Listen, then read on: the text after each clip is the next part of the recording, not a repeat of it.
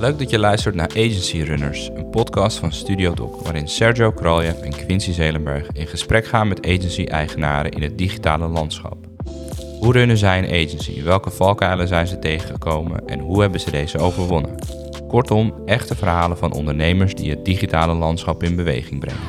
We starten met een aantal korte fragmenten uit deze aflevering. Kan je een naam verzinnen binnen twee dagen? Dus ik zei oké, dus ik ben gewoon gaan googlen. Wat zijn namen die makkelijk onthouden worden? Nou, dat zijn vooral kleuren en dieren. We zijn heel voorzichtig met uh, wat levert het nou op? Hoeveel leads krijg ik nou? Daar, vind ik, oh, daar ben ik echt allergisch voor, die vraag. Dus een stukje educatie uh, richting de klant is ook nog wel belangrijk.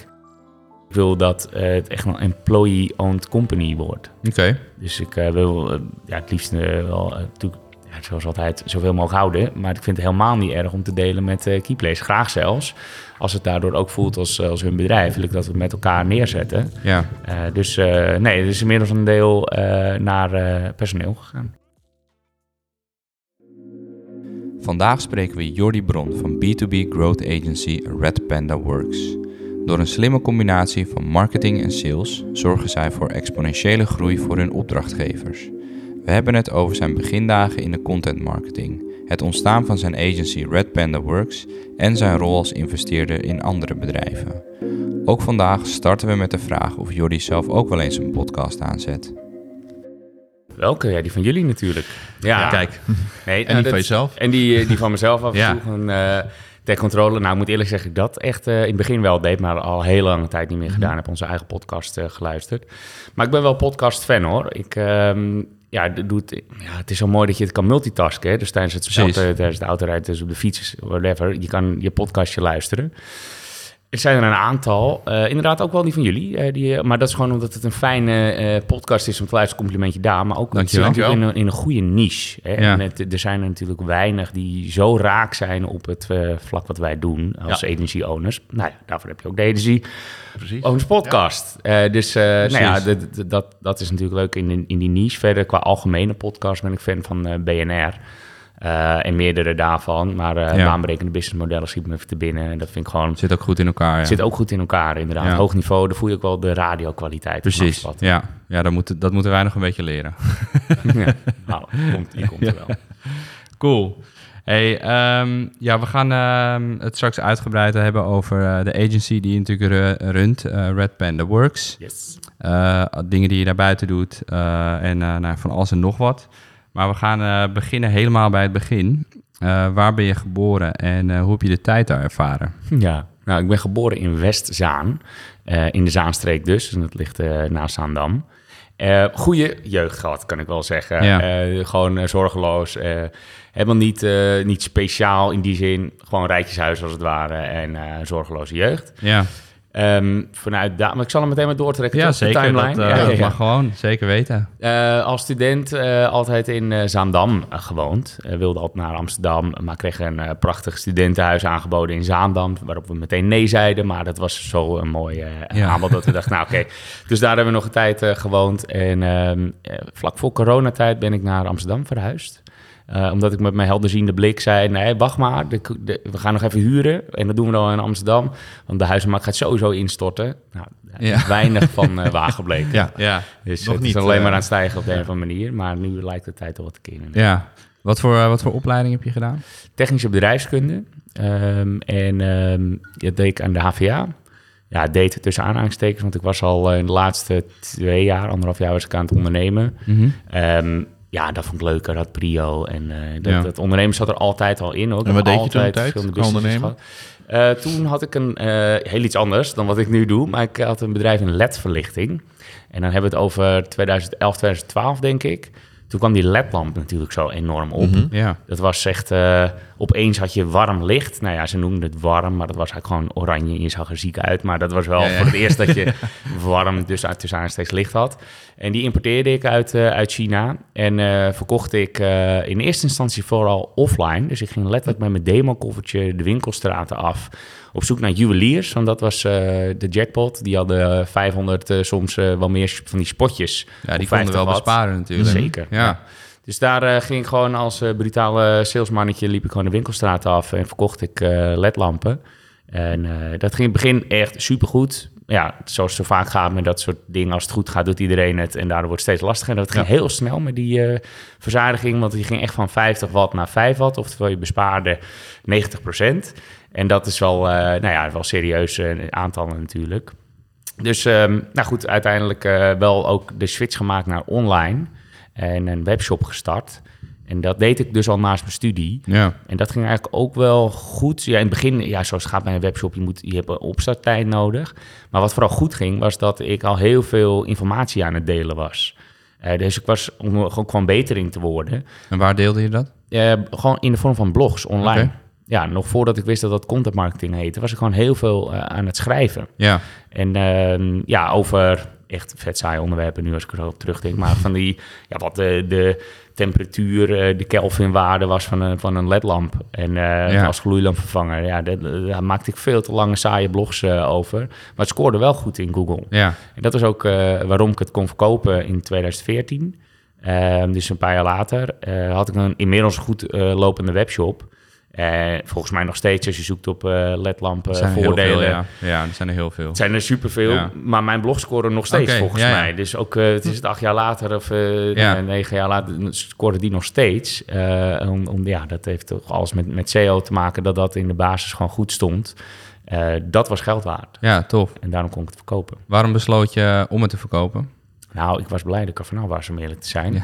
Uh, en dat had er eigenlijk dan weer mee te maken dat ik uh, dat echt heel erg als een commodity zag, uh, zag worden. Want voor je beeldvorming, toen ik die ledlamp in het begin uit China haalde... voor echt een, een, paar dollar, wat nu ook al duur is trouwens... Hè, maar toen was dat het allergoedkoopste dat was. Ja. Philips lampen waren echt veel fouten aan prijs, ook inkoop. Ehm, ja, goed, daar was een reden voor. Dat heet ook kwaliteit. maar dit was uh, gewoon heel, ik was gewoon troep. Maar uh, ja. het zou 50.000 uur mee moeten gaan. Ik was lang blij als het uh, vijf uur meeging. oftewel, veel van geleerd. Dat mijn neus gestoten, zullen we maar zeggen. Maar die, ja, iedereen zag je op een gegeven moment ledlampen aanbieden. Dus ja. die prijs die zag je echt vrij snel kelderen. Want ik verkocht een zo'n ledlamp, een gloeilampvervanger als het ware, voor 30 euro in het begin per stuk. Ja, ja. En um, nou, dat werd later een tientje en nu liggen ze volgens mij voor 80 cent bij de Action. Ja, precies. Dus uh, die marges die waren wel aardig aan het verdampen. Ja, als je geen Action bent en kleine hoeveelheden doet, dan kan je daar gewoon niks van over. Dat lastig, ja. Dus ik was blij dat iemand anders dat, dat niet inzag of er nog vertrouwen in had. Ja. en uh, het wel wilde overnemen. Ja. Wat was de stap daarna? Nou, ik ben eigenlijk doorgegaan met waar ik dus goed in was. En dat was niet per se op een ladder staan en 230 volt uh, voelen. Nee. Uh, maar uh, wel het contentgedeelte dus. Ja. dus toen ik dat verkocht, ben ik eigenlijk logischerwijs doorgegaan met dat aanbieden aan ja, partners uit de duurzame hoek dus. Denk aan zonnepanelen, zonneboilers. Daar ging ik content marketing voor doen. Inmiddels veel ingelezen doordat dat content marketing heette. Um, ja, en daar had ik een, een, vond ik zelf een revolutionair model op bedacht, dat voor gemeenten bleek te werken. Uh, en dat noemden we cost per reader model. Dus en dan heb ik het echt over 2014, denk ik, 2015. Um, we waren aan het bloggen en je ging betalen per lezer. Ik was goed in bloggen, uh, dus ik zei, dat kan ik ook voor jou regelen. En zei ze, ja, wat kost het dan? Ik zeg, nou, als ik veel voor je oplever, dan pas ga je betalen. Een beetje kost per klik, uh, Google Ads ja. model, maar dan voor blogs. Nou, dat was alleen een groot probleem. Dus, want uh, uit een blog heb je lang niet altijd converterende bezoekers natuurlijk. Zeker dus, niet. Nee. Ja, dat weten jullie ook. Maar uiteindelijk als je heel veel bezoekers genereerde, was ik tevreden. Als ik hele goede blogs geschreven had en geen verkeer had gerealiseerd, ja, dan was de klant op zich wel tevreden. Het levert niet zoveel verkeer, maar had wel goede blogs. Maar dan was ik, ja, had ik het voor niks gedaan. Ja. Dus ergens in het midden, in, de, in het midden had je gewoon het optimum. Ja. Dat heet gewoon een vaste prijs. Ja. dus, ja, daar kwam ik uiteindelijk ook wel, wel achter. Dus dat, dat werkte Heeft misschien even geduurd, maar je kwam er wel gelukkig wel achter. Ja, ja. Cool. Precies. Ja, dus doorgaan met content marketing. Ja. En, uh, En dat heb je gewoon als freelancer gedaan. Ja, eerst als freelancer. Toen is mijn uh, toenmalig compagnon erbij gekomen. Uh, die- en dat, nou, die is een paar jaar later erbij gekomen. En toen was het eigenlijk met z'n tweeën, een beetje lang leven lol zeg ik eerlijk, ook niet echt de ambitie om heel snel door te groeien, maar gewoon wel vooral leuk te hebben. We waren Mhm. lange tijd digital nomad, dus vanaf Thailand werken, nou ja, vooral feesten en een beetje werken. Ja. Eh, en ehm, ook weer eh, een paar maanden teruggekomen, dan weer een paar maanden daarheen. En ik wilde het er ook even van nemen, zeg maar. Dus Ja, dat was groot gelijk. nog voordat ik echt de ambitie had om, een, eh, om er een serieus bedrijf van te maken. Maar dat begon wel te kriebelen later. Dus dan, nou, even vast forward naar, ik denk 2017. Mhm. Toen ehm, ehm, ja, wilde ik wel echt doorgaan met ondernemen in plaats van dat freelance-achtige. Ja. Dus toen ehm, heb ik dat ook aangegeven bij mijn compagnon. eh, en dat ik sowieso ook iets anders wilde doen. Dus toen hadden we eerst besloten om te gaan eh, splitsen. We allebei 50-50, eh, maar ik ging Hulk bouwen, HULC. Mhm. En dat is een, een marktplaats voor bloggers, weer in die contenthoek. Ja. Eh, en dat zorgde ehm, eigenlijk voor matchmaking met aan de ene kant adverteerders die op zoek waren naar externe blogs, vooral voor linkbuilding doeleinden, SEO. Eh, en eh, aan de andere kant waren, hadden we dus een hele grote spreadsheet met allemaal bloggers. Die brachten we bij elkaar. Nou, daar hadden we een simpel platformpje voor gemaakt. Dat deden we eigenlijk ook al als een soort van broker met twee telefoons aan je oren en constant handelen, als het ware. ja, precies. Dus dat was logisch om dat bij elkaar te brengen. En dat hebben we dan in 2017 opgezet. Super laagdrempelig, echt eh, MVP-stijl. Maar ehm, ja, eerlijk, mijn compagnon was een geweldige operationele... en dit is nog steeds een maat van me. Hoor je trouwens ook wel eens eh, veranderen Ja, door de tijd heen. Maar weten. Ja. Ehm, hij was minder ondernemer en dat zei hij zelf ook. Dus hij had helemaal niet de ambitie om een groot bedrijf van te maken. En inmiddels waren er twee bedrijven geworden. Dus we Ja. hadden en een content eh, met inmiddels de eerste werknemer en twee stagiaires, een beetje die omvang. En we hadden eh, wat stagiaires op Hulk eh, inmiddels aangenomen. ja, precies. En dat begon echt een, net een beetje een vlucht te nemen. Ja. En dat ik- content marketingbureau had nog niet echt een naam? Of wat? Ja, dat heette Contani. Oké. Contani, echt de slechtste naam ooit. Eh, daar, nou, door de telefoon is dat echt verschrikkelijk. Maar Contani, Company, comp nou, dat heb ik veel moeten herhalen. nou, goed, dat was, eh, laten we zeggen, ook, eh, ook leergeld. Niet echt de makkelijkste naam. Ehm, en ja, die, die gingen een beetje naast elkaar door. En Lucien op zijn manier en ik had, had Hulk. Ehm, maar ik had wel op een gegeven moment ook aangegeven van ja, kijk, ik wil met de tijd sowieso ook echt iets voor mezelf en wel doorstomen. Mhm. Waarbij, eh, nou, ik moet eerlijk zeggen, eh, hij in eerste instantie schrok. Ehm, maar ik wilde dit wel gewoon doorzetten en een serieus bedrijf eh, neerzetten, of bedrijven het liefst. Ja. Dus dat ehm, heb ik in 2018 denk ik aangegeven. In 2019 zijn we uit elkaar gegaan in harmonie. Ik heb allebei het bedrijf overgenomen. Eh, en eh Lucien is zelfs nog een lange tijd eh, in, in een beetje gekke situatie, maar is in dienst geweest. En daarna is hij nog bij een klant gaan werken. Daar zit hij nog steeds. Volgens mij, als ik het zo van de zijlijn zie, gelukkig. En we hebben allebei een goede keuze gemaakt. Mooi. En ik had allebei de bedrijven. Ehm, toen ben ik ehm, meteen eigenlijk gaan kijken of ik hulp niet kon verkopen. En ik wilde eigenlijk wel focussen op een van de twee. Mhm. Eh, Hulk was beter verkoopbaar. Eh, was nog wel early stage, maar ja, dat, daar moest wel animo Omdat het zijn. gewoon een platform was. Ja, dat, we, hadden gewoon een hogere multiplier. Ja. En dat was gewoon aantrekkelijker voor een andere partij om het over te nemen. En de agency hangt toch, zeker in die kleine omvang die we toen hadden, hangt natuurlijk van de mensen af. Zeker. Vooral van de founder af. Ja. Dus dat was niet echt verkoopbaar. En ik wilde eigenlijk met één. Dus de stekker eruit trekken was ook nog een serieuze optie. Alleen eigenlijk wilde ik gewoon doorgaan met een agency. Ja. En niet per se met een platform. En dat Waarom? heeft gewoon, ja, dat heeft alles met, met nou ja, ik, ik verveel me vrij snel. En Dat vind ik ook het leuke aan eh, het agency leven. Het is zo afwisselend. En er zijn altijd weer nieuwe uitdagingen. Ja. Eh, het kan niet zo zijn dat dit verveelt. En ik was bang dat dat bij Hulk toch wel eerder het geval zou zijn. Eh, ja, plus dat het makkelijker verkoopbaar was. Dus ik, ik had toen een goede business coach, heb ik nog steeds overigens. Ehm, waarbij hij ook zei, ja, focus is alles. Dus je moet nou een keuze maken. Nou, een beetje, ik voelde me, het was bijna carrièreadvies. Ja, dus ik zat ja. eh, op, op de sofa een beetje naar boven te staan van, ja, wat wil ik nou met mijn leven? Eh, iets anders, maar het kwam er wel op neer dat we echt wel goed gingen doorvragen bij mezelf dan. Van, hoe zie ik het nou voor me? Als ik Ja. nou echt één zou moeten kiezen. Dus ik ehm, koos voor de agency. betekende dat ik eh, van, eh, van Hulk operationeel althans af wilde. Dus eigenlijk ben ik gewoon gaan, gaan, eh, eh, gaan rondkijken. Zijn partijen voor wie dit interessant is? Nou, Ja. kwam er een hele lange lijst. En uiteindelijk wat rondgevraagd, overal koffietjes gedaan.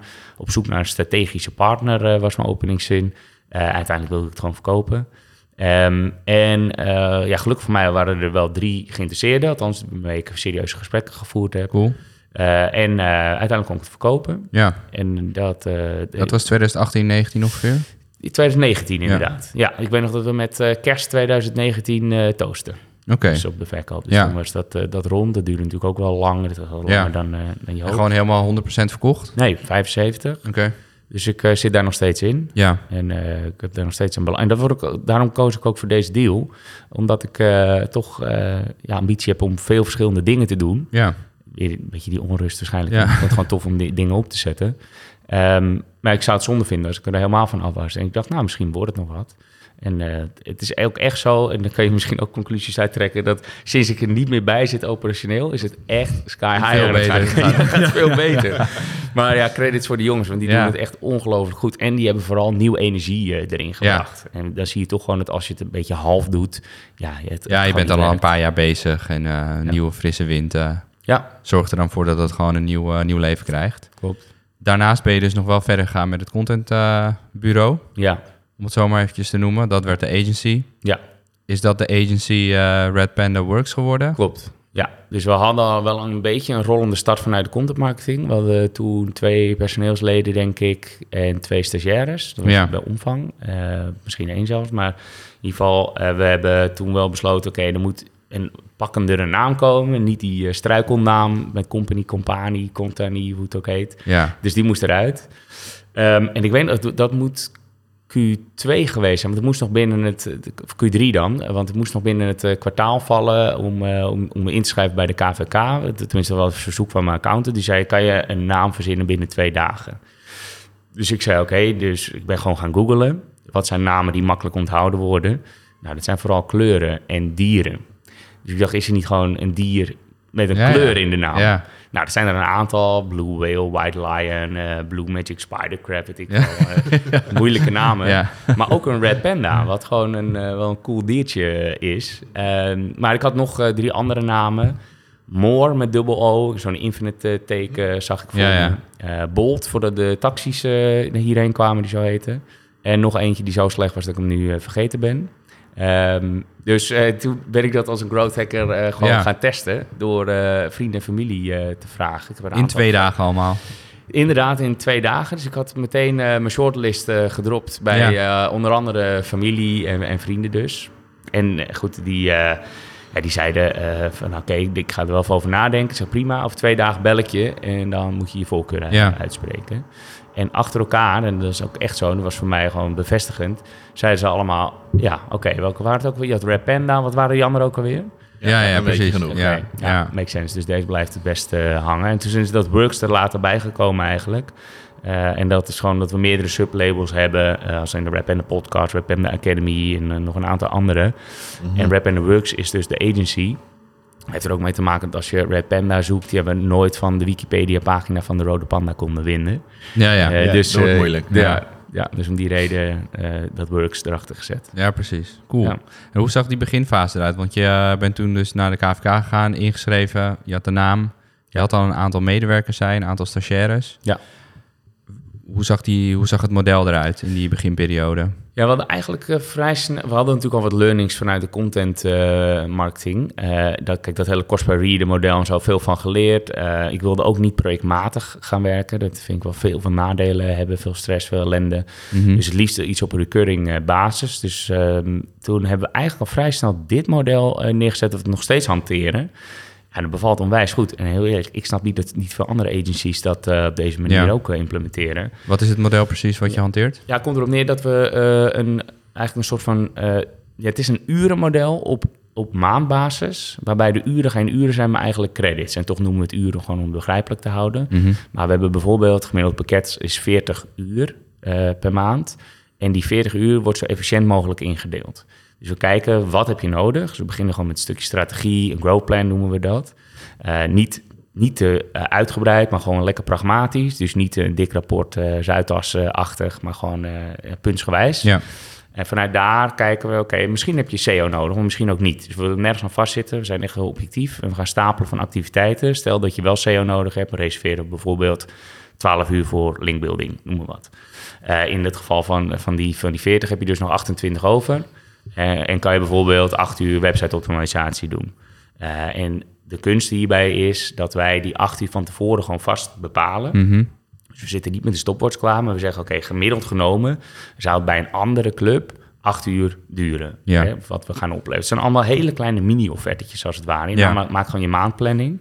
En vanuit daar kijken we ehm, ja, hoe, hoe we dat zo efficiënt mogelijk doen. Dus, dus en, eh, voor ons is het belangrijk om binnen eh, aan de goede kant van de marge te zitten. Ja, Dus we zeggen ook vaak, het mag niet zo zijn dat wij minder betaald krijgen, omdat wij en harder werken, en omdat we de weg weten, en omdat we tools gebruiken. ja. we daardoor- super efficiënt werkt. Ja. Precies, dat we minder tijd eraan kwijt zijn en minder betaald krijgen.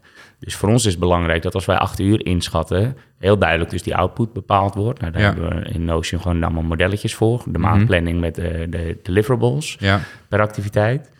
Ehm, ja, en wij willen natuurlijk het liefst in zes of het in vier uur doen. ja. Maar als het tegen zit en het kost tien uur, Ja. dan rekenen we ook acht. Dan moet je dus niet piepen. Ja, in het Nee. begin bij ja, nieuwe mensen is dat nog wel eens zo. Ja, ja snap ik. Ja, En dat hebben we eigenlijk vanaf het begin eh, gehanteerd. Eh, je ziet wel dat pakketten steeds groter geworden zijn. Eh eerst was het minimum 10, daarna was het minimum 20, nu is het minimum 30.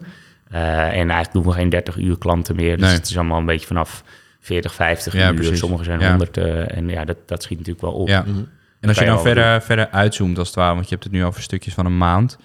Ik als klant zijnde wil natuurlijk wel weten waar ik ongeveer naartoe ga binnen nu en een aantal maanden. Ja. Hoe zorg je dat dat in de, de juiste banen gaat? Nou, we starten met een growth plan. Daar wordt die vraag wel in beantwoord. We zijn heel voorzichtig met eh, wat levert het nou op? Hoeveel leads krijg ik nou? Daar, vind ik, oh, daar ben ik echt allergisch voor, die vraag. Dus een stukje educatie eh, richting de klant is ook nog wel belangrijk. Ehm, maar ja, we maken wel een, eh, een, jaar, een jaarvisie, noemen we het. Waarbij we inderdaad kijken waar zou je willen staan over 12 maanden. En dan eigenlijk terugredeneren wat is er volgens ons voor nodig aan marketing en sales zijde. We zien ook echt marketing en sales als één. We doen alleen maar B2B en dus is er vaak een eh, ja, salesapparaat, een salesafdeling of in ieder geval één. eh, waar we gewoon intensief mee samenwerken. Ja. Ehm, het is dus niet zo dat wij alleen maar leads aanleveren. Eh, maar wel ervoor zorgen dat ze tot leadership worden en echt eh, de, op lange termijn high intent leads genereren. Dus niet alleen maar die korte klap en aantallen, maar vooral aantallen maal customer lifetime value, maal de kans dat deze deal gaat vallen. Ja, ja. En dat is een model wat jullie vanaf het begin al gehanteerd hebben? Of is dat iets wat zichzelf in de loop der jaren ontwikkeld heeft? Ja, we hebben het op een manier in het begin wel gehanteerd hoor. Hij heeft, het is een beetje gaan ontwikkelen. Het is Ja. steeds beter geworden eigenlijk. Maar de principes waren er vanaf het begin al. Oké, cool. Ja. Cool. Ehm, hoe zou je Red Panda Works van eh, vandaag de dag omschrijven? Nou, Wie zijn jullie, wat doen jullie? Ja, nou als je... mm, Ja, we combineren marketing en sales voor exponentiële groei. Voor eh, B2B-bedrijven. We doen alleen maar B2B. Dat is wel belangrijk om erbij te vermelden. Ja, Ehm, we doen absoluut geen eh, B2C of geen e-commerce, geen marktplaats. Die kunnen ook een beetje B2B zijn. Maar Mhm. Waarom niet? Nou, focus ook weer. Dus we willen gewoon de, de beste worden. Dat is echt eh, onze missie, de beste growth agency eh, worden. Daar moet je een aantal concessies in doen. Onder andere gewoon niet constant het wiel opnieuw uitvinden. Kijk, we zijn zeker niet de goedkoopste. We zijn ook niet de duurste. Maar we hebben wel de hoogste ROI op onze uren. En dat kan je alleen bereiken als je gewoon weet wat er voor andere partijen in dezelfde branche gewerkt heeft. ja, Ehm, en ja, dus helpt het als je gewoon weet, eh, veel benchmark data, hè, als je weet wat er voor anderen gewerkt heeft. Ja, ja. dus om die reden. En welk, eh, welk probleem los je, los je precies op voor, je- voor je klanten? Ja, ik denk dat je het zou kunnen omschrijven al- als in dat veel klanten van ons met de hand in het haar zitten. Dat ze denken, ja, er is zoveel, het gaat zo snel. Wat moeten we nou doen om maximaal resultaat eh, vanuit marketing eh, te realiseren? Eh, dus wij helpen ze heel goed weg met strategie en de, de wat-vraag, wat moet ik doen? Maar ook hoe moet ik het vervolgens doen en hoe implementeer ik het bij mijn team? Betekent dus automatisch dat wij niet als een traditionele agency het werk overnemen, maar heel vaak training bieden en, en echt ervoor zorgen dat de klant het op een gegeven moment zelf gaat implementeren. Willen ook niet ehm, oneindig meelopen. Bij sommige klanten gebeurt het overigens wel, maar vaak in een steeds andere vorm. Dus het is heel erg in ontwikkeling en daarom is het model ook zo geschikt voor ons, omdat het eh, zo flexibel is. Dus we kunnen constant meebewegen. Ja. Ik zie eh, op blogs en op jullie site eh, de term demand generation voorbij komen. Ja. Hoe, zou je dat, hoe zou je dat omschrijven? Wat is dat precies? Nou, ik moet een beetje lachen omdat het ook weer zo'n buzzwoord is waar wij Ja. ook gebruik van maken hoor. Eh, ik heb die term growth hacking gebruiken we overigens niet meer. Oké, Eh overigens, waarom niet? nou kijk, growth hacken vind ik bij nader inzien, zeg ik eerlijk, want in het begin noemden we onszelf al growth hacking agency. En dat is ook gewoon dat ik zo vaak zelf gezien werd door anderen. Van je bent handig met tooltjes, je kan altijd handig screpen en eh, gewoon niet de traditionele marketing. En dat vind ik ook wel typisch growth hacking. Ja, Uh, alleen growth hacken slaat ook wel op korte termijn even die handige trucjes die nu werken, maar straks niet meer. Tuurlijk pakken we die mee, maar ik vind het eigenlijk een beetje standaard vanuit marketing erbij horen. Waar we nu veel meer op zitten, is een lange termijn systeem implementeren. Dus niet die korte Ja, ja. klap en even dat, dat hack-gedachte, maar echt een, eerder een growth loop bijvoorbeeld. Vind ik al veel mooiere term. Iets dat altijd doorgaat. Of een systeem neerzetten Ja. voor bedrijven. Dus om die reden hebben we dat hacken, wat ook nog eens een negatieve associatie heeft. Vandaag de Veel, dag eh, wel, ja. Ja, ja, dus veel mensen worden een be- beetje growth hacking moe. Ja, Eh, en ook gewoon het, het- voor een leek ook, hè, een hacker. Als ik het mijn moeder vraag, ja. Die, die durft niet tegen haar vriendinnen te zeggen dat ik een hacker ben. nee, precies. Nee, al is het heel iets anders. Maar oké, dat weet zij dus niet. Nee, nee, nee, nee. nee. Nee, dus eh, en ehm, voor de eh, kandidaten overigens, dus aan de, de mensenzijde is het, eh, onze mensen bedoel ik dan, is het wel vaak nog steeds een lekkere term. Omdat vooral juniors marketing te stoffig vinden en vinden growth hacker dan cool. Eh, Ja. Dus we hebben nog wel de functietitel growth hacker. Dat is de uitvoerende schil bij ons. Degene die ook echt de, de strategie bepaalt en het project managt en de klant ook managt, die noemen we dan ook growth manager. Ja, Dus precies. die managt de groei, de groei. voor een bedrijf. Ja. Ja. Waarom vinden juniors traditionele marke- marketing stoffig? Ja, nou, ik de denk, term? Kijk, net als de demand generation, wat je vraag was, ik ben niet vergeten, maar eh, het, elke keer ontstaat er weer iets nieuws en eh, moet het cool zijn en het is dan een hype. En Ja. ja dat, dat, ze daar gewoon een beetje op meeliften. Precies, en dat deden wij ook hoor. Eh, maar er zat ook wel, het, was niet gelogen, want we waren Ja. dat ook wel. Maar kijk, ook wij gaan evalueren wel. En ik vind dat we steeds volwassener worden. Eh, en ik denk dat, eh, dat het gewoon weer iets nieuws is en dat veel. eh, ja, dat het aantrekkelijk is, aantrekkelijk is voor juniors, voor Ja, jongeren. ja, precies. Cool. Wat betreft de demand, Demand generation, generation, ja, dat, inderdaad. Dat was Ja. eigenlijk je vraag. Ja. Ehm, kijk, waarom ik dat wel een mooie term vind, en ook eerlijk, eh, ook een buzzword. Dat is zeker waar. Eh, opeens zie je eh, demand lead en demand generation, head of, weet ik van dat soort termen zien ook opeens allemaal ontstaan. Ehm, maar wat de, de gedachte erachter is, daar sta ik wel helemaal achter. En dat is dus niet alleen maar keiharde lead generatie, maar echt educatie vanuit de klant, thought leadership eh, woorden. eh, en ervoor zorgen dat die high intent leads dus eh, naar voren komen. Die nou, eerder een demo aanvragen dan geforceerd per ongeluk een e-book downloaden die ze toch niet lezen. En dan vervolgens platgestakt worden door een SDR. Dus dat is meer dat traditionele marketinggedeelte. eh, een beetje HubSpot-achtig, alles aanbieden, onwijs veel resources creëren en dan eh, stalken. De demand generation gedachte is gewoon veel meer laten zien eh, wat je kan, wat je in je mars hebt, dat je de expert bent. Vanuit daar die vraag dus creëren, genereren. En dan nog is het wel, zeker in, eh, in Nederland, is het een utopie om te denken dat alle leads wel even automatisch binnen zullen stromen. Ja. Dat iedereen opeens een demo eh, wil en je contactformulieren invult. Dus is het ook nog een kwestie van vervolgens wel proactief er naartoe stappen. Hè? Dus ten eerste demand capturen, dus ook mogelijk maken dat het zo makkelijk eh, wordt om contact met je Ja, op te ja. nemen. Ehm, en toch ook nog vaak wel aanvullend met outbound. Dus gewoon wel proactief eh, een vraag stellen via eh, LinkedIn bijvoorbeeld of Ja. e-mail. Ehm, zou je ehm, één of twee eh, cases kunnen belichten die eh, het meest eh, bij zijn gebleven of waar jullie nu mee, mee bezig zijn? Ja, dat kan wel. Ehm, kijk, we werken veel voor IT-bedrijven, veel software. Ehm, ik, we doen alleen maar B2B dus. Daarbinnen is inderdaad IT wel of consultancy en vaak een beetje tech, een beetje die hoek. Dat is wel altijd, nou dat is de grootste groep. Als ik even een voorbeeld erbij pak, waar geen NDA op zit, is eh Servoy. Bijvoorbeeld een mooie IT-club die best wel wat eh, tijd bestaat. Maar in gewoon de fase zitten dat ze willen doorschalen. Het is een SaaS, maar eh, dat zie je toch ook wel vaak bij grotere SaaS. Er zit ook een grote consultancy-laag omheen, implementatie. Eh, dus het is een beetje het beste van beide. En daar is, dat is precies waar we goed in zijn.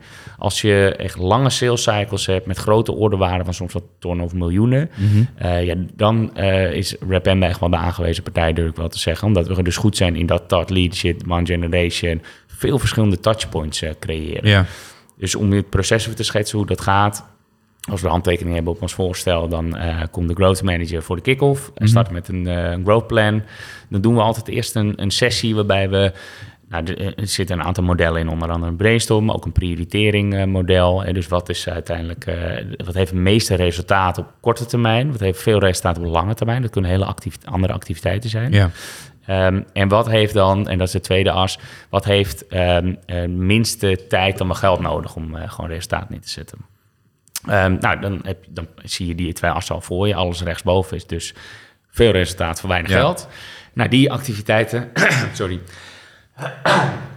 die activiteiten die pakken we dus als eerste op. Eh, en ja, wat we vanuit daar eh, eh, doen, is de planning natuurlijk realiseren. Dus zorgen ervoor dat we ehm, de deel, sommige delen doen we in-house. Soms doet de growth manager het zelf, maar niet te veel. Liever dat de growth manager aan de specialisten uitbesteedt. En dat worden steeds meer specialisten in-house bij Rapender zelf. Ja, precies. Nu, nu we iets groter worden. Ja, Ehm, maar ook heel vaak gewoon freelancers en externe. Eh, waar we gewoon inkoopvoordelen hebben. En we zorgen gewoon voor dat eh, de, echt de beste dat kunnen uitvoeren. Dat, ehm, ja, dat is eh, op, in het geval van Seven, dat was de case. Begint het trouwens bij een stukje website, een stukje.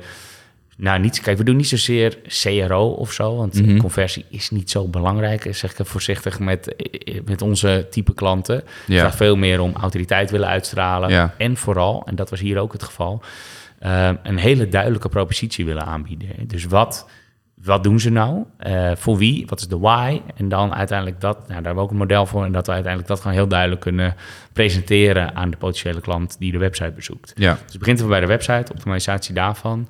Vervolgens veel eh, verhalen vertellen, storytelling. Het liefst echt dat stukje educatie opzoeken dus. betekent dat we veel LinkedIn-posts doen, ook persoonlijke profielen meepakken. Daar zijn we echt goed in. Eh, ondertussen aangevuld met eh, netwerk natuurlijk uitbreiden en veel één-op-één eh, messaging, maar dan niet het spammerige, maar echt heel gericht. Dus echt Ja. account-based marketing. en ja, wat we eh, daarnaast gewoon veel al doen, is toch echt een stukje content oppakken. En dan niet alleen maar teksten en blogs. Mhm. Eh dat doen we trouwens heel, heel weinig tegenwoordig nog maar. Gewoon puur blogs voor SEO, dat doen we eigenlijk bijna nooit meer. Omdat je er gewoon moeilijk doorheen komt. ja, Maar veel meer in de vorm van, nou denk aan video, denk aan LinkedIn newsletters. Echt van die artikelen plaatsen dus. ja, Eh, en echt, of soms ook wel echt community eh, bouwen. In het geval van Servo is het ook heel erg op, dat no-code gebeuren. En daar heb je een hele actieve community. Nou, dus ze hebben eigenlijk een dubbel doel. En dat gebeurt vaak. En klanten werven, maar ook ondertussen hiring. Hè? Dus eh Ja. re- recruitment doeleinden. ja, Ehm, dus zijn we heel actief in die communities. En dan vanuit de, de, de personen, dus niet per se het bedrijf, maar gewoon echt eh, ja, je mengen tussen de, tussen de mensen. ja, precies. Dat heeft dan puur met het bereik te maken? Of? Ja, met bereik, maar vooral bereik. Nou, het is niet dat je echt duizenden views hebt of zo op Reddit bijvoorbeeld. Daar zijn we ook heel actief in. Maar het is wel bij de juiste doelgroep. Ja. Echt bij in dit geval eh, die, die low-code of no-code developers. Ja. En daar willen we gewoon onder aandacht komen. ja, precies. En dat is nou eigenlijk ook, al, ook weer voortbordurend op het eh lange, termijn, eh, lange termijn samenwerken. Ja, Ja. ja. nou dat, dat klopt. Het is niet eh, een hele korte klap of zo. Het is niet dat ze dan zeggen, ja, maar wat, wat levert dat nou op aan leads? Nou ja, nul of misschien per ongeluk één. Maar het gaat Ja. er meer om dat als je straks wel die sollicitant hebt, dat je 1, 2, 3 nog voor staat, omdat ze je al kennen. Dat ze je constant voorbij hebben zien komen, dat je een serieuze club bent. Ja, precies. Hoe komen jullie ehm, vandaag de dag zelf aan eh, nieuwe klanten? Nou, eh, dat, eh, dat is niet zozeer het probleem. Daar zeg ik even arrogant, zijn we goed in. Ja. Ook voor onszelf. We, hebben, we zitten vol. We hebben een wachtlijst, volgens mij nou, tot na de zomer in ieder geval. Een paar maanden. Is dit, Ik Mhm. weet niet wanneer die uitgezonden wordt, maar Ja. in ieder geval een paar maanden. Ja, Ehm, en wat we ehm, vooral doen, is toch ook wel echt onze eigen ja, tactieken voor klanten toepassen op onszelf. Dus echt de demand generation. Gelukkig maar. Eh, ja, toch, omdat we gewoon zien dat het werkt natuurlijk, ook voor onszelf. We hebben in het begin wel heel actief ingezet op eh, gewoon platte sales in de beginfase. Omdat Wat is platte sales eh, voor jou? we gaan bellen, koud bellen. We hebben heel veel koud gebeld in het begin.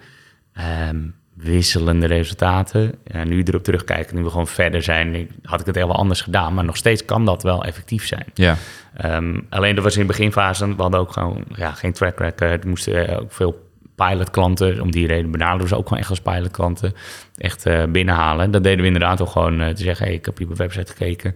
Eh, ik zie dat je dit, dit doet. Heb je hier ook wel eens over nagedacht? Sta je ervoor open om dat een keer te proberen? Zo simpel was het ja. eigenlijk. Inmiddels doen we dat helemaal niet meer. Is niks meer koud, al een paar jaar niet meer, denk ik. Het gaat veel meer om verhalen vertellen, ervaringen delen, cases delen.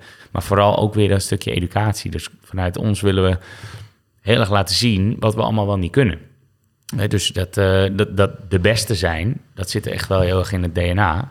Dat wil je ook uitstralen dan. En dat Ja. doen we dus door gewoon te laten zien. Nou, we doen heel veel eigen research bijvoorbeeld. Veel best practices wat we bij klanten gezien hebben, dat delen. Voornamelijk op LinkedIn. B2B toch het voornaamste kanaal. Dus ja, daar, eh, ja, dat, dat, dat komt langzaam aan en dat druppelt dan wel binnen. Maar ja, goed, het, eh, zoveel heb je er ook weer niet nodig. Dat het zijn wel echt die high-intent leads die daaruit komen. Ja, En niet meer die low-intent eh, cold calling leads. nee, dus. precies. Ja. ja, we vragen ook eigenlijk altijd eh, hoe je omgaat met de grillen van een agency. Maar Ja. als ik het zo hoor, eh, jullie zitten in ieder geval tot, de, a- tot na de zomer vol. Ja.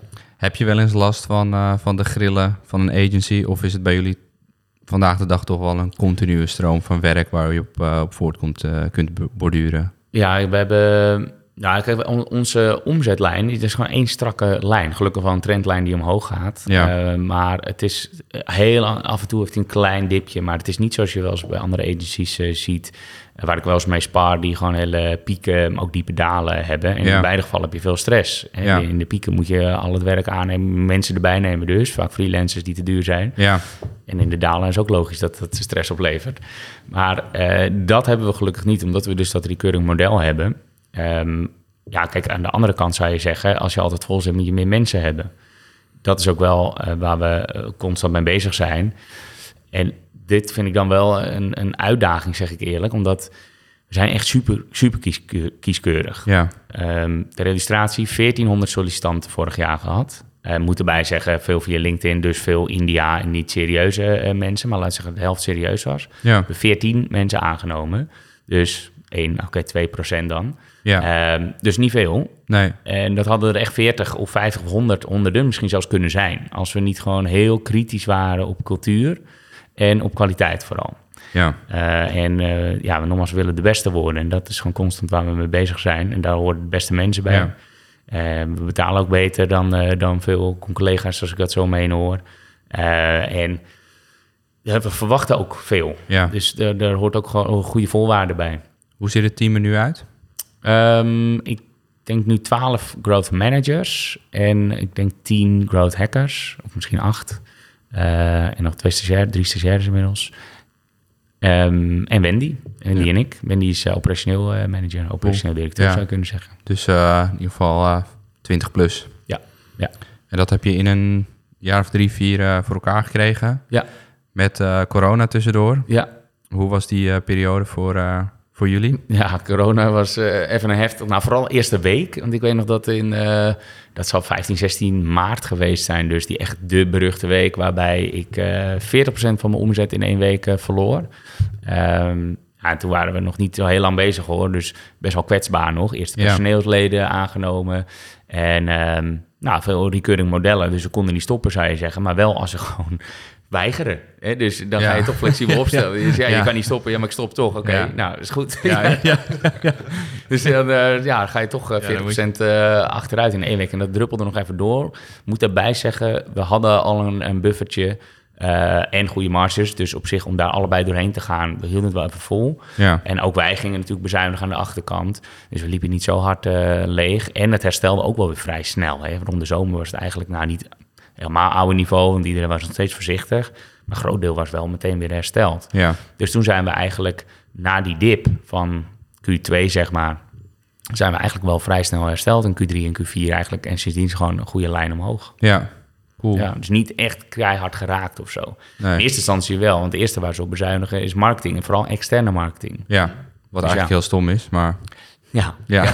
ja. dat kort, even terzijde. denken, ja. ja, precies. Je zei ook net uh, cultuur, belangrijk onderdeel. Uh, wat doen jullie om de cultuur te bewaken binnen, binnen Red Panda Works? Ja, ik denk dat je cultuur, de cultuur echt kan omschrijven. Al, nou, in één woord is het gewoon eagerness. Dat is heel duidelijk. Je voelt dat iedereen heel graag wil.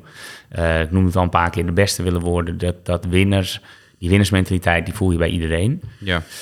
Um, dus het is, het is ook niet uh, echt een, een vriendenclub of heel familiair, zeg ik heel eerlijk. En dat klinkt misschien een beetje hard of bot, maar dat vind ik heel, ja, dit is een beetje gemeen, maar dat vind ik niet zo heel erg. Er zijn heel veel agencies die super leuk zijn met elkaar. En dan, ja, als je gewoon vrienden zoekt, dan uh, zou ik zeggen, ga ga op voetbal. Ja. en, of, maar goed, dat kan je dus inderdaad ook natuurlijk ook op werk. En wil niet zeggen dat we elkaar haten, helemaal niet. En het is sterker nog, zijn ook wel hele goede vriendschappen ontstaan. Maar dat is niet het primaire doel. Iedereen nee. zit hier omdat ze gewoon fucking goed willen worden in marketing. Ja.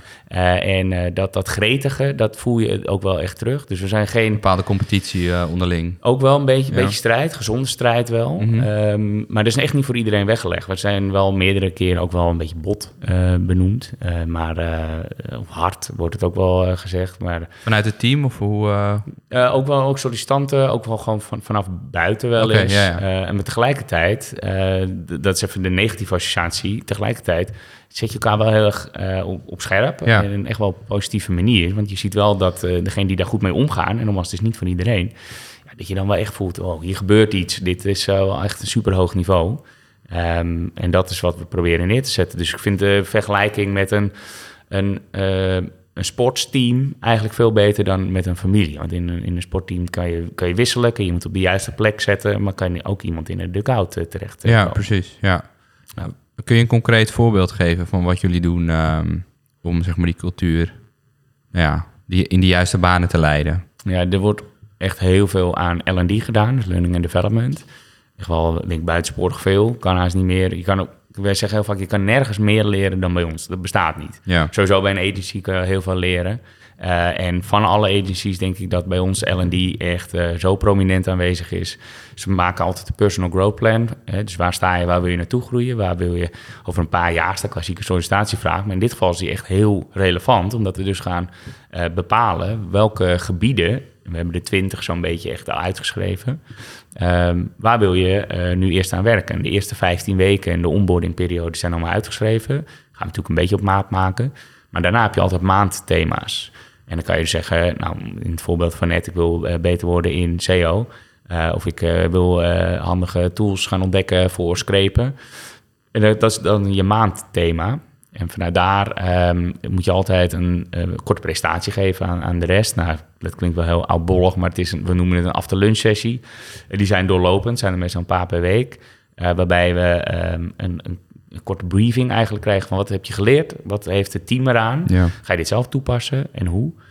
dus dus dat, dat leren, dat staat echt wel, wel centraal. We hebben heel veel één op eens. Um, ook dus vanuit L&D is er dus eentje met Nick, is ook echt een externe. En uh, Jessica is onze gelukscoach. Uh, dus uh, het is niet zo dat het, hele botten wat ik net zei, ja, dat, dat mag echt niet de boventoon voeren. Want nee. uiteindelijk gaat het er vooral ook om dat uh, iedereen gewoon het maximale uit het leven wil halen. Ja. Dat klinkt een beetje zweverig en daarvoor, ik ben veel te rood en een beetje blauw als diskprofiel. Dus ik ga hier niet zo heel lekker op, op dat zweverige. nou, gelukkig hebben we daar dus Jessica voor, ja. die de opdracht heeft iedereen het mooist mogelijke leven te bieden. Uh, dus die uh, ja, pakt ook echt een stukje privé erbij. Het is dus uh, constante balans zoeken tussen werk en privé. Ja. Daar zijn gewoon heel erg goed in om die, die, dat luisterende oor te zijn, maar ook de schouder als het even, even niet gaat. Um, want ik ga daar, zeg ik eerlijk, ik ga, ik ga er wel eens aan voorbij. Ja. Dan, dat, dat weet ik gelukkig van mezelf, waardoor Jessica daar heel ja. goed inspringt. Want hoe zit, hoe zit die balans bij jou tussen werk en privé? Nou, je zegt, die gaat er wel eens voorbij. Ja, ja Vaak. Nou, ik, kijk, ik werk volgens mij wel eens uh, eh, 80 uur per week, maar ik werk nooit. Het, is, het voelt nooit als werken. Ik ben altijd met mijn hobby bezig en altijd met, uh, met een missie. En als geld niet zou bestaan, zou ik hetzelfde doen. Zou ik ook een bedrijf willen bouwen en een team bouwen en de beste willen worden. Dus het competitieve, dat zit er gewoon heel erg in. Ja. Um, dus ja, dat is ook zeker niet, niet de drijfveer. Uh, uiteindelijk wat we gewoon ja, met elkaar neerzetten is de beste worden. Ja, en dat is net als een, een, een team. Uh, neerzetten en echt het als sport beschouwen, moet je gewoon veel trainen. Dus je ja. stopt wel degelijk veel tijd in, maar zo voelt het helemaal niet. Nee. En ik heb wel nu ook wel veel meer vrije tijd dan in de beginperiode, moet ik erbij zeggen. Dus in het begin was het echt beuken en ja. gewoon, ook omdat ik het, het super tof vond. Maar dat is omdat je gewoon ook meer uit handen kunt geven of... Uh... Ja, en uh, ook wel meer de balans eigenlijk ook wel, wel die heb ik nu wel beter voor elkaar hoor. Ja. En nou, ik heb helemaal niet dat ik uh, dacht dat het te veel werd of zo. Dat heb ik nooit gehad, omdat nee. ik het juist zo tof vind. Maar er zijn ook, ja, ik heb veel te veel hobby's en ik vind alles tof om te doen. Dus uh, ja, alles rondom uh, racen, snelheid en uh, ook weer dat competitieve. Ja, dat, dat, gaat, daar gaat ook allemaal veel tijd in zitten. Dus in het begin deed ik de concessies door dat voorlopig even niet te doen en echt vooral te focussen op het bedrijf. En nu heb ik daar iets meer ruimte voor gekregen, omdat Wendy gewoon ongelofelijke meester is in het operationeel aansturen van ja. het team. Dus die, nou ja, die, die krijgt echt een tien daarop. waar ik eh, mezelf eh, operationeel een 2 zou Ja, geven. ja. precies. Ja, dus gelukkig, in het begin had ik dat even nodig. En als een 2 moet je natuurlijk harder werken. Dus Ja. daar ging heel veel tijd in zitten. En het gaat haar veel beter, eh, beter af. Dus eh, zij doet het eh, voortreffelijk. En eh, daardoor heb ik mezelf inderdaad wat meer vrijgespeeld. Ja.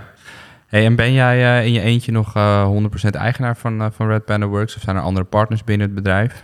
Nee, ik heb een eh, stak. Eh, dus we zijn wel eh, juist eh, de key players ook langzaamaan de mogelijkheid aan het geven om zich in te kopen. Nou, kopen tussen aanhalingstekens, want het is eigenlijk een lening die weer afgelost wordt met dividend.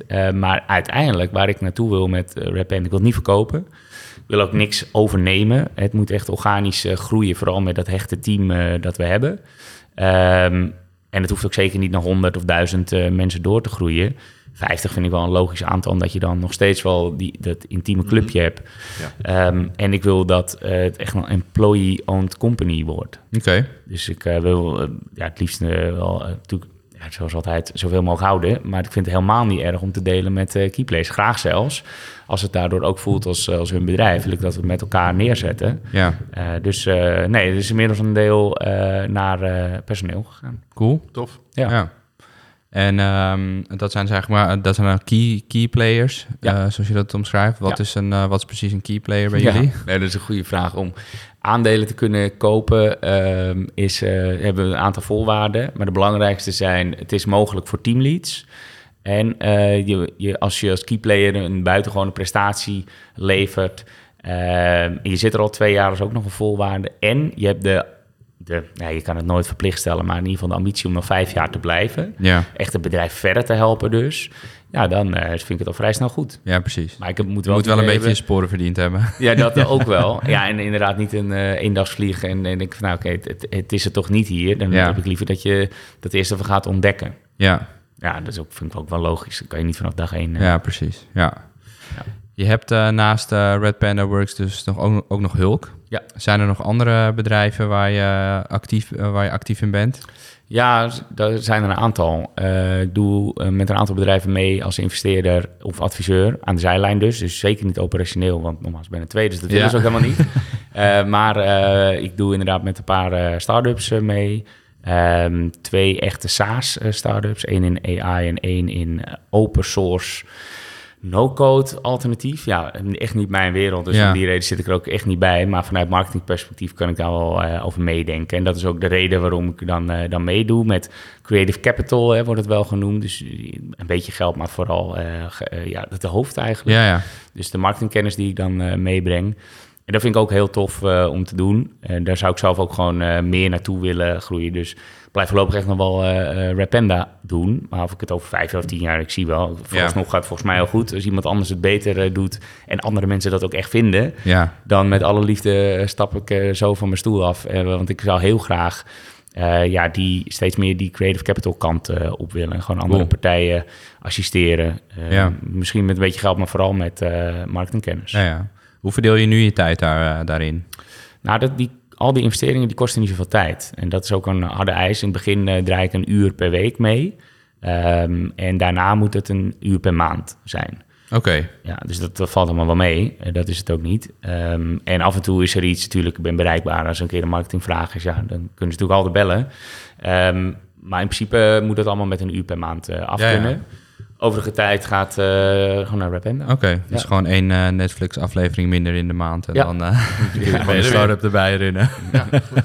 Zo simpel kan het dus kan het soms zijn. Ja, nee, in, in het begin kost het soms wel wat meer tijd Nee, natuurlijk. ik, ja. En we doen echt wel, wel sessies en Ja. ook gewoon een soort van kick-off ook weer. Om, Maar het is wel leuk dat je gewoon verschillende dingen naast elkaar kunt, kunt doen. En natuurlijk. dat vind ik ook het allerleukst. Ja. Gewoon constant die afwisseling. Ja, En precies. Dat, dat hoeft niet dus altijd voor, voor de euro's te zijn vanuit Rapenda.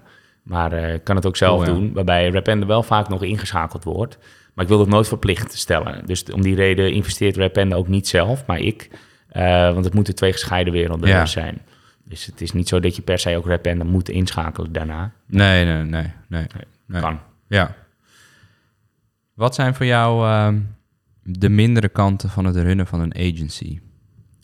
Of van het ondernemen in het algemeen. Of van het ondernemen in het algemeen? Ehm even denk nou, nou kijk, de, de mindere kanten eh, van de agency is, ja, het is natuurlijk nogal eh labor intensive. Hè? Mensen moeten het, maken het bedrijf. Ja, Dus geen een- platformpje. Nee, het is niet een- even een platformpje. En kijk, bij Hulk, wat wel een platformpje is, heb je ook veel eh gezeik. En dat Ja. hoort er altijd bij. Dus dat is eh, het ondernemen in het algemeen, ja, dat, dat blijft. Maar dat is wel extra aanwezig natuurlijk op het moment dat, het, dat er veel mensen bij komen kijken. Ehm, en tegelijkertijd vind ik dat ook weer het allermooiste. Want juist die hechte club eh, mensen met eh, ja, gewoon die, diezelfde drive, die eagerness en ondertussen ook gewoon work hard, play hard.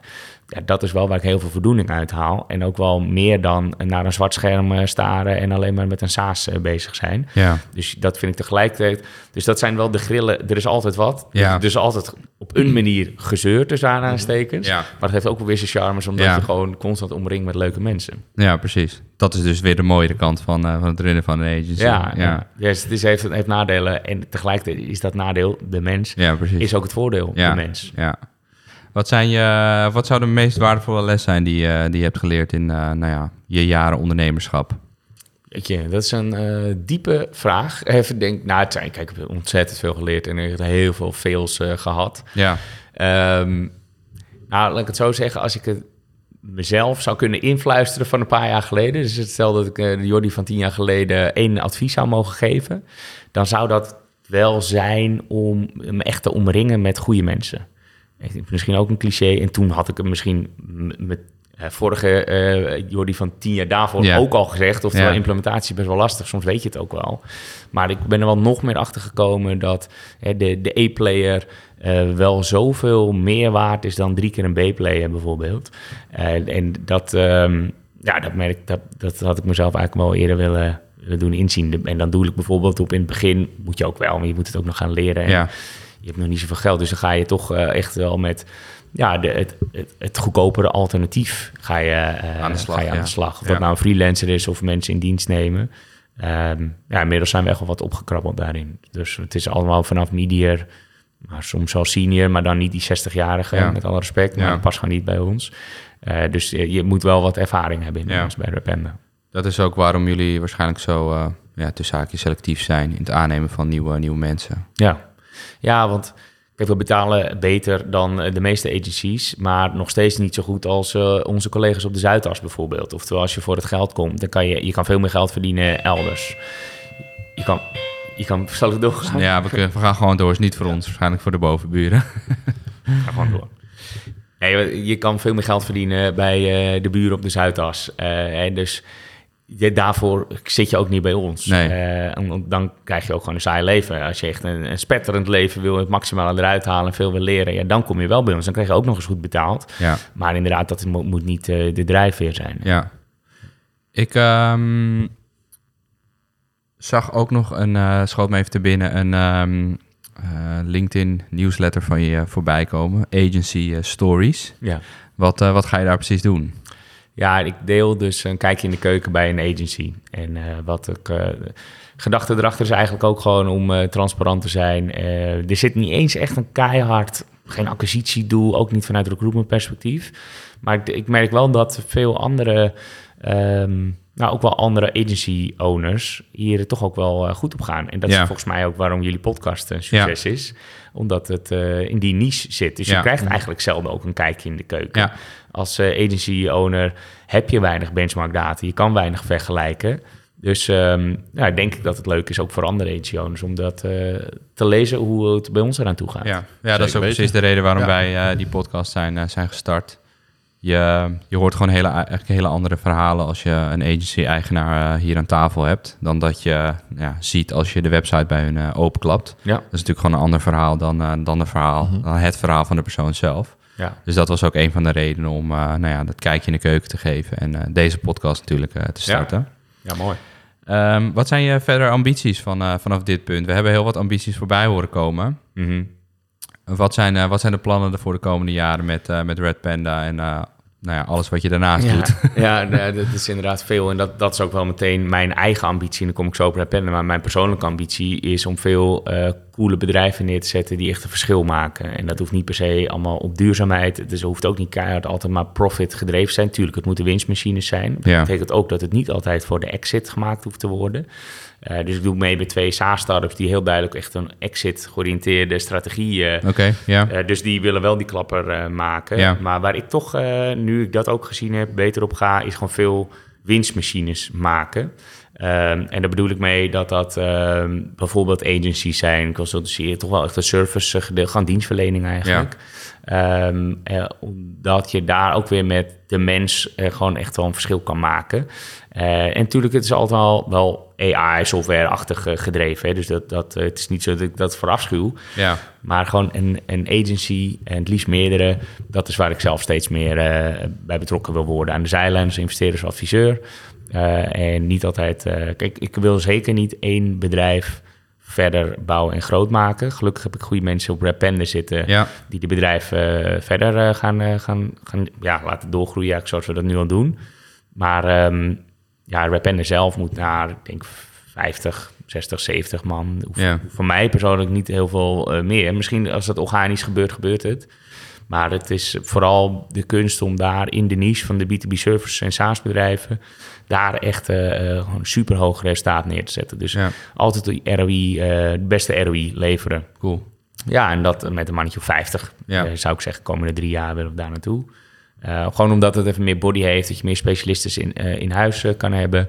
Um, en ook gewoon even minder kwetsbaar bent. Dat is eigenlijk de voornaamste ja. reden. Dus dat kan met 20 mensen, dan is het ook goed. en ja, daar proef je misschien niet helemaal de keiharde groeiambitie. Maar dat heeft er alles mee te maken dat de groei zit in andere labels en niet Ja. per se in, eh, in één. Nee. Dus je kan het meer zien als een groep. Ja. We zijn net nog een nieuw label eh, gestart. Dat heet eh, Resource Agency. Eh, en is eigenlijk een kopie van Rap and the Works. En dit willen we ook steeds vaker gaan doen. Ja. Eh, maar het is een kopie zonder dat het echt een kopie is. Dus we nemen heel veel dingen over. Eh, en Peter is daar directeur. Die moet eigenlijk ook gewoon zijn agency runnen.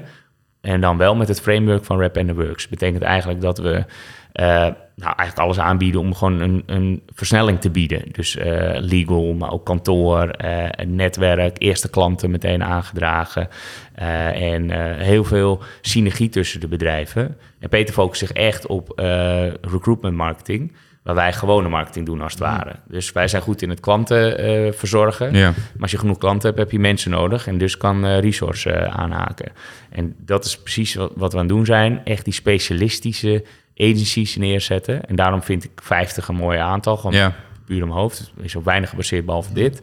Eh, en resource kan ook eh, komende jaren naar 50 Ja. eh, doorgroeien. En Resources is dan onlangs begonnen? Ja, het bestaat nu een klein jaartje. Oké, met een aantal mensen. Ja, zijn nu met vijf. Of zes, denk ik. Met nou, en nog wat freelancers. Ja. Ehm, ik, ja, dat gaat echt hartstikke goed. Zeker in het begin ging het supergoed. En zoals dat ook hoort bij, bij een start-up, eh, want jij ziet toch een beetje als een start-up, Ja. is het toch ook nog wel zoeken in propositie, pricing. eh, want heel veel dingen konden we zo één op één overnemen van Rapenda. Ja. Onder andere dus dat pricingmodel, hè, met die, dat stapelen van die, van die uren bijvoorbeeld. Maar dan kom je er toch ook achter dat het in de recruitment marketing toch wel even een iets andere, sowieso een andere doelgroep is. Meestal schakel je daar met HR, wat een andere persona is dan waar wij meestal mee schakelen. Wij schakelen of met CMO of met CCO, zeg maar. Ja. Eh, en eh, ja, de- die, die sales pitch van Rapenda, in eerste instantie ook gedupliceerd, die sloeg gewoon veel minder aan. Dus dan ga je toch tweaken.